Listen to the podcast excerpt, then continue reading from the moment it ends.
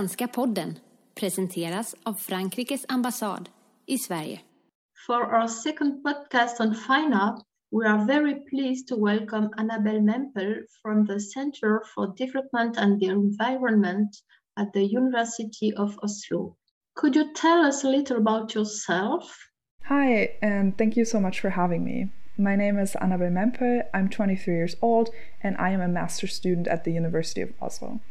I have a bachelor's degree in culture and economy from the University of Mannheim in Germany, where I am originally from.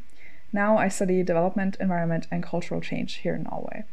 I am also the group coordinator of the Environmentalities Research Group led by Khan Lykke at the Center for Development and the Environment. Other than that, I love to spend my time outside in nature, and I'm always looking for a good book recommendation. How is your research connected with biodiversity? In my research, I look at the European Greenbelt, a protected area spanning 12,500 kilometers through Europe, along the line of what used to be the Iron Curtain. I focus on the Greenbelt in Germany specifically and aim to look at it as a cultural landscape. The European Greenbelt inherently aims to protect this high value biodiversity area. But it is much more than that because it is also an interesting landscape that connects nature to culture and history. Protecting biodiversity often goes hand in hand with protecting what is important to us as a community. What are the main findings of your research? My work answers three main questions. First, I look at the historic aspect of the Greenbelt in Germany and find that nature played a very important part in how borders were created and maintained between former East and West Germany. Whereas previously the landscape around the Greenbelt meant separation and death, today it is an area of life and diversity and that the green belt gives us space to remember and connect to our individual heritages. Natural and cultural heritage are really indivisible from each other. Secondly, I look at the conservation aspect of the Greenbelt in Germany and find that the Greenbelt is a great example of transboundary conservation and ecological connectivity. It shows how conservation can be successful by including various stakeholders. However, the definition of conservation differs between stakeholders, and this should really be acknowledged. By recognizing challenges on different scales, like local, regional, or national, they can be addressed more efficiently and improve conservation. Lastly, I focus on the aspect of international cooperation. I find that the Greenbelt must be seen as an international project, and this cooperation influences conservation in Germany in different ways and creates a really successful network. The Greenbelt can be an example for other regions with border conflicts because it shows how conflict across borders can be overcome how cultures can be reunited, and how conservation can influence this peace process. How can your research contribute to tackle the global change and biodiversity loss issues?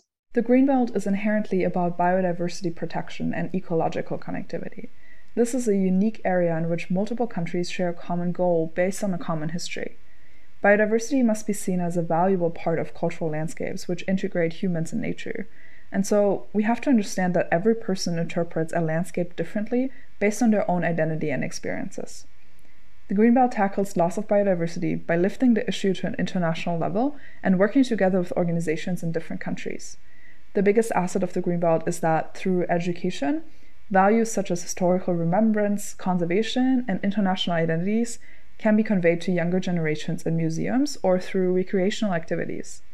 Further researching other countries that are included in the European Greenbelt will ensure that Europe creates a green infrastructure based on individual perspectives but with a common goal to protect the nature we have. What can be implemented by using results? With whom?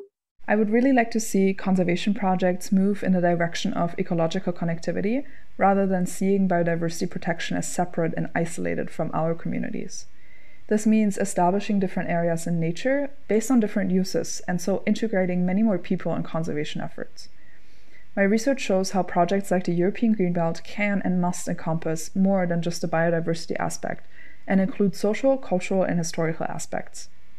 I would also encourage to strengthen international cooperation for conservation by establishing and supporting transboundary conservation projects across the world. This begins at the local level with two cities on opposite sides of a border cooperating, as well as countries working together, for example, in the EU, or organizations and governments shaping our global discourse towards cooperation and transnational values based on our need and responsibility towards nature and the environment. In my fieldwork, I've come to appreciate small institutions such as museums, local government, and regional organizations. I hope that supporting small scale efforts in conservation will be a future focus. Thank you very much for answering these questions and sharing these insights with us today.